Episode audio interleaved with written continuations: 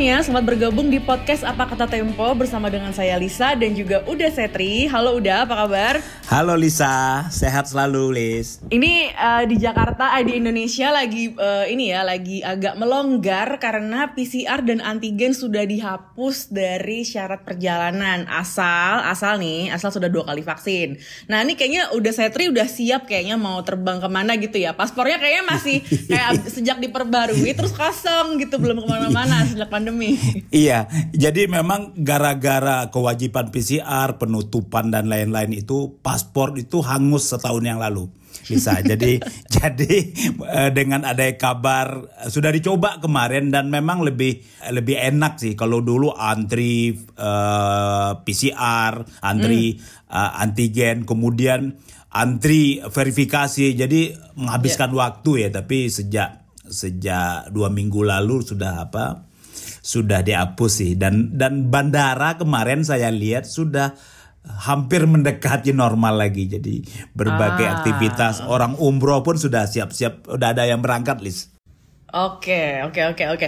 Nah, ini walaupun syarat jalanannya sudah dipermudah gitu ya, tapi kita sebenarnya masih dalam keadaan krisis. Jadi mungkin uh, kalau mau liburan agak-agak mikir-mikir dulu, rem-rem dulu kali ya gitu.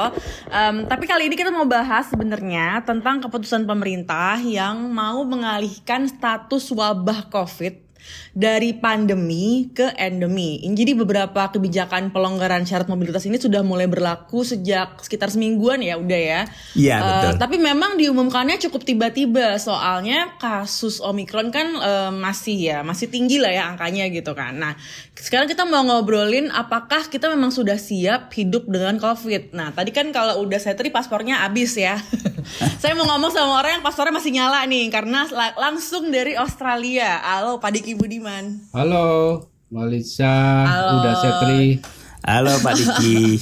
Pak Diki Budiman ini adalah epidemiolog dari Griffith University. Ini salah satu nama yang paling sering muncul di media. Saya nggak tahu nih Pak Diki triknya gimana nggak jawabin wartawan tiap hari ya Pak. Dari sejak pandemi berlangsung dua tahun lalu yeah. sampai sekarang tuh pasti ada tuh nama Pak Diki yeah. Budiman. Apa kabar Pak Diki? Alhamdulillah baik. Semoga sehat semuanya. Yeah. Katanya mau pulang kampung nih abis ini. ya, insya Allah minggu depan nih udah dapat Pak tiketnya. Oh, oh. saya senang banget. Bisa lebar sampai lebaran di sini ya Pak Diki? Iya, udah oh, di mantap. ini ya. Sudah dijadwal. Sudah. Sebelum bordersnya tutup lagi ya Australia ya. Karena saya udah tiga tahun nih nggak pulang jadinya. Ya inilah. Sekalian. Rindu juga ya Pak. Iya betul. Nah, uh, ini Pak Diki, uh, jadi kita sebenarnya uh, sering banget nih Pak kita ngobrolin pandemi di episode uh, di podcast apa kata Tempo gitu ya. Yeah. Cuman ini kita seneng banget kali ini langsung ngobrol sama seorang epidemiolog dan kita pengen ngomong gini memang gimana sih status yang dari pandemi pindah ke endemi ini uh, siap atau tidak kita untuk memasuki era yang endemi gitu ya. Karena sebenarnya nggak cuma Indonesia doang, uh, tapi juga negara-negara lain ya yang yang sudah bersikap seperti ini gitu. Gimana Pak? Ya, pertama sebagaimana yang selalu saya sampaikan karena di Griffith ini saya memberi masukan bukan hanya ke Indonesia ya. Saya uh, ASEAN, Australia dan juga uh, Pacific Island bahkan beberapa uh, negara di uh, Eropa juga sering mem meminta masukan dan termasuk medianya. Nah, karena saya bukan hanya epidemiolog, kalau epidemiolog ya banyak ya, ya. tapi saya adalah, adalah peneliti global health security. Jadi Global security ini satu bidang yang relatif baru di Indonesia belum ada. Ya, ahli ini belum ada. Kenapa? Makanya saya ada di sini sekolah gitu. Karena dua dekade saya di pemerintahan di, di level global, saya praktisinya. Kalau praktisinya banyak, ada Prof Chandra itu praktisi global security, ada Dr. Nyoman. Tapi secara keilmuan ya eh, berbasis PhD atau eh, doktoral ini belum ada dan itu penting, mm. penting karena ancaman kesehatan nasional global ke depan jauh lebih sering gitu. Nah, sekarang ini yang menjadi uh, perhatian dan juga saya membantu meluruskan pada banyak negara karena hmm. ada fenomena di awal pandemi dulu ada namanya dikit-dikit kekebalan komunal atau herd immunity. Oh, kita sampai herd immunity, herd immunity. Terus sekarang belakangan masuk tahun akhir tahun kedua, tahun ketiga muncul lagi namanya endemi ke endemi ke endemi. sebetulnya di balik itu politisi kita ya eh, dan banyak negara dan pemerintahan itu sebetulnya mau melonggarkan gitu ya. Di balik itu adalah ada keinginan untuk melakukan pelonggaran dengan memiliki landasan. Landasan yang pertama waktu itu harapannya herd immunity. Ya, saya selalu mengingatkan herd immunity itu tuh satu target long term yang mungkin 10 tahun baru cepat di awal-awal masih ngotot lama-lama oh bener juga gitu. Nah gitu. Muncullah sekarang endemi ini. Ini di banyak negara. Uh, endemi ini seakan-akan menjadi titik di mana kita bisa bebas dalam tanda kutip atau kembali pada fase sebelum. Eh dan itu tidak benar karena hmm. harusnya sepertama kalau dari pandemi yang harus dituju itu ya terkendali atau sporadis hmm. lah. Uh, penyakitnya jangan dan tidak pernah ada satu program kesehatan selama sejarah manusia ataupun dalam program pemerintah itu dijadikan penyakit endemi atau dijadikan penyakit epidemi. Ya itu salah. Karena artinya kita akan membuat masyarakat merugi. Karena endemi itu meskipun dia stabil kan angka reproduksi kan satu tuh. Jadi kasusnya ya tetap ada tapi ya segitu-segitu doang nah tapi ya tetap aja ada yang masuk rumah sakit, ada yang masuk ICU, hmm. ada yang meninggal. Ya. Nah, berarti endemi itu nggak bagus. Hmm, oke okay, oke. Okay. Udah, aku mau nanya dulu nih, karena sebenarnya jauh sebelum kita lagi mulai ngomongin uh, pindah status yeah. ya dari pandemi ke endemi itu udah ada negara lain seperti Singapura yang udah duluan melontarkan mm -hmm. pernyataan kalau hidup bersama COVID itu uh, dijadikan uh, sebagai endemi gitu kan.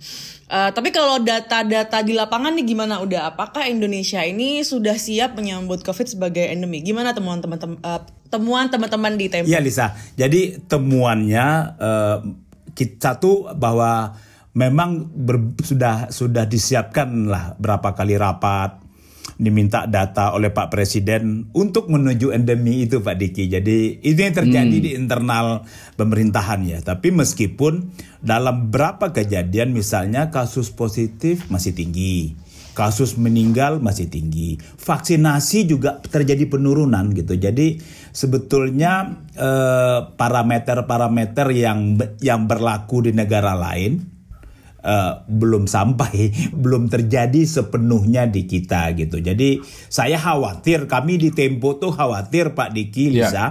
yeah. khawatirnya ini seremonial gitu loh, hmm. kita ikut-ikutan. Orang hmm. endemi kita endemi, orang longgar kita longgar. Tapi hmm. parameter utamanya yang harus disediakan, yang harus uh, ada dulu itu terlupakan. Jadi ini menjadi concern kita. Ya. Uh, semua keputusan basisnya adalah uh, science, scientific gitu. Jangan dipaksakan karena wah oh, kenapa mereka sudah longgar kita belum gitu. Jadi jadi betul memang ada ada banyak hal penting yang tidak boleh dipertaruhkan gara-gara seremonial dari pandemi menuju endemi. Hmm, oke. Okay. Pak Diki gimana Pak tanggapannya? Apakah kita ikut-ikutan nih Pak? ya cenderung ini ada dalam pandemi ini sebagai peneliti saya sampaikan ada fenomena latah hmm. di negara-negara. Bahkan pada level uh, hmm. lokal ya. Latah itu dimulai ketika lockdown. Di sini misalnya di Australia. Satu kota lockdown, sebelahnya wah kita mereka lockdown, kita lockdown. itu.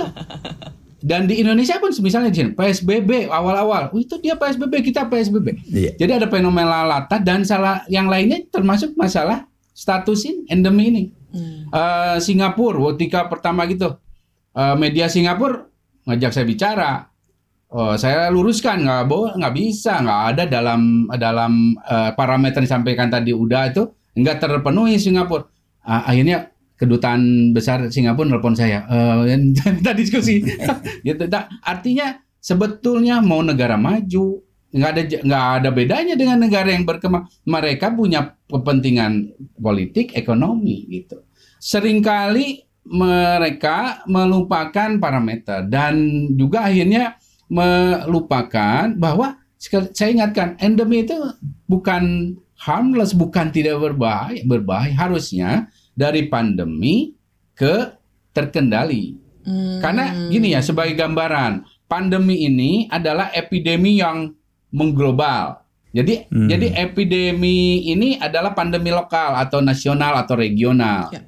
Tapi ketika dia transnasional be- apa mau di banyak benua ya jadi pandemi namanya. Dan pandemi ini statusnya sebetulnya dalam ya WHO eh, kon- apa regulasinya itu nggak ada nama pandemi dalam regulasi. Jadi WHO itu boleh menetapkan yang namanya disebut dengan dibacanya tuh fake tapi di tulisannya PHEIC. Jadi Public Health Emergency International Concern. Hmm.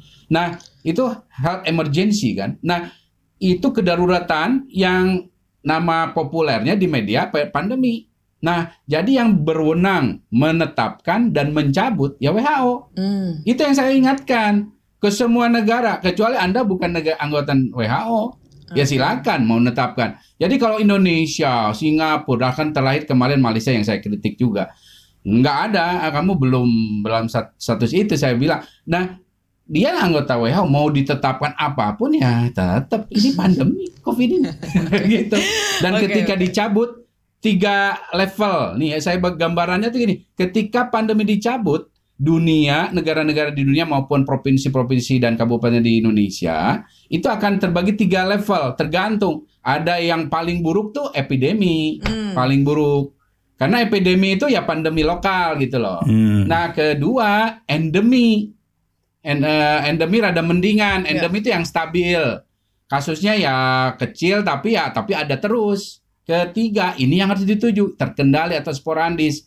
Itu nggak ada kasus seperti Australia sebelum Omikron tuh berbulan-bulan nggak ada kasus. Ya kematian dan segala macam. Nah, itu yang harus kita tuju. Hmm. Oke oke oke. Seru juga nih ya.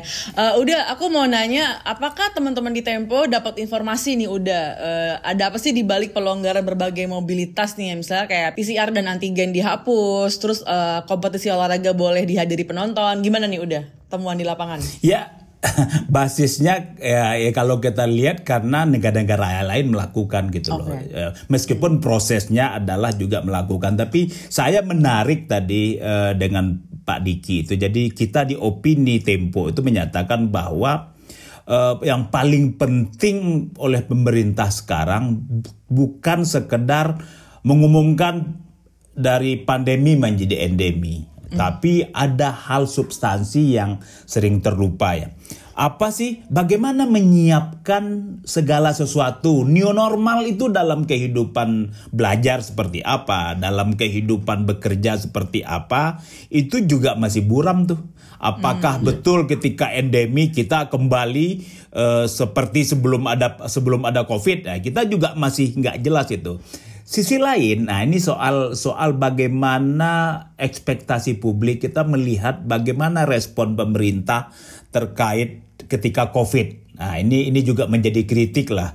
Kita pernah punya Menteri Kesehatan yang menganggap bahwa COVID ini tidak berbahaya karena akan mati dihajar oleh sinar matahari karena Indonesia negara tropis. Kemudian ketika musim PCR kita juga menemukan berbagai kejanggalan potensi konflik kepentingan. Jadi jadi keraguan pemerintah untuk bersikap untuk lebih memilih seremoni gitu karena bagi saya tetap Pak Diki kalau tanpa ada parameter Ya. terjadi berbagai pelonggaran ya kita lebih eh, memilih seremoni dan mengabaikan Ya. substansi.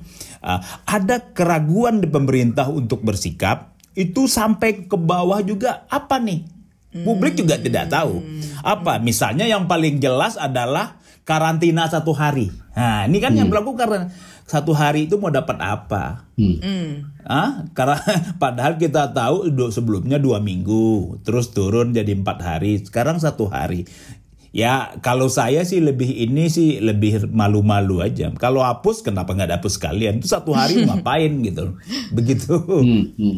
Oke oke oke. Nah sekarang aku mau nanya ke eh, Pak Diki soal ini Pak pertimbangan nih. Sebenarnya apa yang mestinya kita pegang sebelum kita menganggap COVID itu udah nggak bahaya lagi? Mungkin udah banyak yang sering dengar informasinya. Iya. Cuman Pak Diki mungkin bisa ngasih yang lebih brief, lebih ringkas nih Pak. Ya. Eh, kebetulan mungkin tiga mingguan lalu eh, kurang lebih saya diminta WHO ya karena saya panel ahli WHO untuk pemulihan pandemi. Nah eh, ada tiga hal yang saya beri masukan dan itu saya berdua dengan Dr. Nyoman. Dr. Nyoman tuh ahli epidemiologi dan juga mantan dirjen ya zaman zaman Depkes dulu lah, eh, sangat senior. Iya. Nah, tiga hal. Pertama adalah bahwa yang disebut dia tidak terlalu, ya sebenarnya eh, berbahayanya agak-agak eh, tanda kutip lah ya. Nah, tapi ini lebih ke arah eh, bisa dicabut status pandeminya, gitu. Bisa Hmm. dicabut status pandemi. Ya. Artinya fase akutnya udah lewat. Nah, pertama karena ketika kita melihat bahwa fen- eh, trennya karakter dari virus ini itu bisa sudah kita baca gitu. Hmm. Bisa kita prediksi. Karena ini penting untuk apa? Untuk mitigasi. Prediksi itu penting. Semakin dia mudah ter- lebih bisa dibaca permainannya gitu kalau main bola itu Iya. ya kita kan jadi lebih tenang. Ah, ini kayak misalnya ini musim hujan, oh, biasanya demam berdarah nanti akan timbul atau begitu misalnya musim kemarau itu demam tifoid akan muncul kan itu satu hal yang membantu untuk public health intervention itu lebih efektif. Nah, ini hal yang penting. Kita sudah mulai tahu tapi belum banyak tahu tentang COVID ini fenomena bahwa kita tahu kalau orang mudak-mudik pergi sana sini akan ada potensi peningkatan kasus itu tren yang udah kita tahu Eh, Iya. dan, dan yang lainnya sedang kita lihat lagi. Kedua adalah semakin tidak dominannya COVID ini dibanding penyakit saluran nafas atau infeksi saluran nafas lain. Oke, ya. Kalau saat ini dari surveillance di tingkat global maupun nasional dia masih dominan. Jadi masih jadi masalah prioritas utama gitu. Kalau dia udah nurun lagi ya berarti udah mulai dia eh, kita entah kita nanti jawabannya entah kita sudah mulai beradaptasi dan imunitas atau virus itu sendiri udah nggak banyak bisa bergerak gitu. Misal ini banyak potensi nanti. Dan terakhir ketiga adalah modal imunitas atau landscape immunity baik level global maupun nasional itu sudah memadai. Ini yang disebut dengan threshold herd immunity. Uh, threshold ini di berapa? Saat ini uh, WHO sudah menetapkan mentargetkannya 70% di pertengahan tahun ini. Gitu. Nah, kombinasi tiga itulah yang akan harus terjadi dan menentukan kita bisa mencabut gitu. Hmm, oke oke oke. Eh, udah, sekarang aku mau nanya nih, sebenarnya menurut teman-teman di Tempo, skema apa sih yang harusnya sudah disiapkan oleh pemerintah sebelum em, mereka mengubah status dari pandemi ke endemi gitu? Apakah itu di bidang pelayanan publik, mau itu pendidikan atau dunia kerja terutama ya yang eh, mungkin paling rentan para, pekerja kita terekspos virus tuh terutama yang nggak mungkin eh, kerja di rumah sama yang kerja di rumah kalau semua sudah balik kantor lagi kan makin banyak interaksi yang terjadi di ruang publik gitu. Gimana udah? Ya, ya kembali yang tadi Lis. Jadi eh, yang paling penting itu bukan sekedar mengumumkan pergantian status dari eh, pandemi menjadi endemi, tapi menyiapkan yang Lisa bilang tadi. Bagaimana new normal di angkutan umum, bagaimana new normal kegiatan belajar dengan berbagai misteri yang masih ada misteri di depan kita yang sampaikan Pak Diki. Kita tidak tahu nih, kita tidak tahu apa yang terjadi ketika berbagai pelonggaran. Jadi Pak Diki, jadi Iya. eh, karena saya tinggal di Bekasi Pak, jadi posisi komuter lain Pak, jadi kereta api itu sudah sama Pak. Hmm. Sudah paling berkurang sekitar 10% dari sebelum Betul. COVID datang. Jadi semua orang berhimpit-himpitan lagi. Jadi Ah. eh, ya terbayang kalau asumsi bagaimana proses penyebarannya satu orang satu gerbong kena kena tuh. Iya. Gitu. Jadi ada kekhawatiran gitu. Tapi tapi rasanya rasanya karena karena rasanya ya ya memang sudah diumumkan gitu ya. Jadi Ya. semua orang malah pembatas itu antara jarak itu sudah dicopot-copotin tuh di kereta Hmm. tuh. Orang sudah normal lagi. Udah nggak ber itu ya, udah udah nggak sisa satu gitu ya, udah ya. udah udah udah dic- dicabut Udah. Jadi Iya, pas ha. ketika pengumuman jadi itu juga apa pengumuman pencabutan eh, pengumuman pencabutan kewajiban PCR antigen Iya. itu itu mereka menghapus juga gitu kita kita Oh. tidak tahu apakah ada pengumuman lain juga gitu tapi bagi saya sih bagi kami di Tempo Pak Diki Iya. bisa eh, kita ini tidak menyiapkan hal yang mendasar. Seperti apa sih kondisi yang harus disiapkan ketika betul-betul endemi.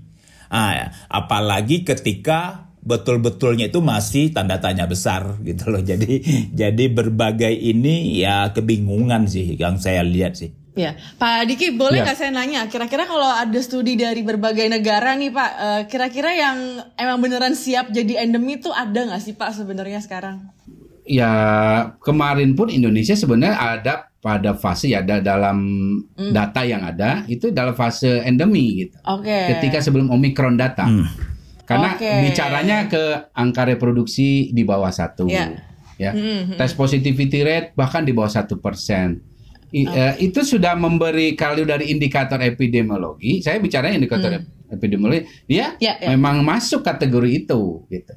Tapi eh, itu seperti yang saya sampaikan tadi, itu di beberapa kota saja. Ya. Hmm. Karena itu enggak kalau di sana endemi Indonesia enggak enggak itu kan antar daerah kan berbeda. Mm-mm. Mungkin yang aglomerasi karena bagus infrastrukturnya, sistem kesehatannya, deteksi dininya, cop- terutama cakupan vaksinasinya, dia bisa cepat dalam fase itu. Ya. Tapi luar Jawa misalnya, itu prediksi saya ketika status eh, pandemi dicabut, luar Jawa dominan akan epidemi statusnya. Hmm. Oke. Eh, mungkin eh, hanya kurang dari satu persen atau hanya satu dua kabupaten kota yang bisa masuk level terkendali, sisanya memang dominan. Nanti ini harapannya seperti itu endemi dan sisanya lagi epidemi. Nah ini tiga yang terjadi. Jadi kalau ditanya kita pernah ya pernah, Hmm, oke. tapi ingat ada de- ada pemahaman jangan menganggap ketika sudah masuk stase atau status eh, endemi itu menetap enggak. Endemi itu naik turun. Hmm. Hmm. Nah, dia akan berubah karena kenapa? Karena jumlah orang yang eh, kalau disebut endemi itu kan angka reproduksi satu ini saya jadi ngasih kuliah sedikit aja, Ya. Eh, apa-apa. bukan ngasih kuliah panjang. jadi angka reproduksinya kan satu, angka reproduksi satu itu karena adanya jumlah penduduk yang sudah punya bekal imunitas Oke. yang memadai. Sehingga dia jadi bumper kan, jadi barrier. Nah, tapi ingat waktu itu menjadi faktor yang menentukan. Pertama, anak akan lahir. Ya. Eh, anak lahir ini ingat, bayi ini kan belum ada vaksin. Itu satu. Kemudian imunitas either way dari sudi vaksinasi atau terinfeksi itu menurun seiring waktu bahkan pada lansia 3 4 bulan menurun. Ya. Nah, makanya ini akan dinamis. Dia bisa naik, bisa turun. Nah, itu yang akan eh, berbahaya karena sedikit saja penaikan misalnya 1,1 angka reproduksi itu udah signifikan akan membuat orang yang rawan bisa masuk rumah sakit dan meninggal. Oh, Oke siap. Itu dia tadi pembahasan kita ya soal perubahan status nih ya. Jadi status tuh jangan dari eh, PHP terus diterima doang gitu ya. Jadi ini tuh Yes, ini tuh kayak mungkin naik turun gitu ya, naik turun dari pandemi ke Iya. eh, epidemi terus mungkin ke endemi terus naik lagi jadi epidemi gitu ya, eh, Pak Diki kira-kira ya. Ya, betul. Oke, terima kasih banyak eh, Pak Diki sudah main ke podcast apa kata Tempo barengan dengan saya dan udah saya Sami-sami. Semoga eh, perjalanan ke pulang kampungnya lancar nih Pak Diki dan bisa segera ketemu makanan Indonesia ya di sini ya. yes, yes. Aduh, ini saya udah tekan kangen Batagor, Bandung. Oh Bandung, kirain Padang. Kalau Padang udah Setri udah punya Ya. ini satu daftar panjang buat referensi nih, rekomendasi udah. gitu. Kalau Padang saya di sini ada rumah makan Padang tapi harus ke Sydney. Wah, Oh iya di ya di sini. jauh ya dari Brisbane ya. Harus keluar kota nih. Di Sydney. Oke, terima kasih banyak buat para pendengar podcast Apa Kata Tempo yang sudah menyimak sampai akhir. Jangan lupa kalau dengerin ini di Spotify, sekarang Spotify itu udah punya fitur rating. Jadi kalau kamu bisa kasih bintang 5 nih buat kita bakal merasa eh ada yang dengerin sih ya. Wah, ada yang suka sama Ali- am- ada Setri gitu. Jadi kita eh, bisa dapat eh, pendengar yang lebih banyak lagi kalau ratingnya tinggi gitu kan. Jadi eh, terima kasih sudah dengerin sampai akhir. Sehat semuanya. Udah Setri, Eh, Pak Diki kita Ya, pamit yes. dulu dengan pendengar. Sampai jumpa. Bye bye.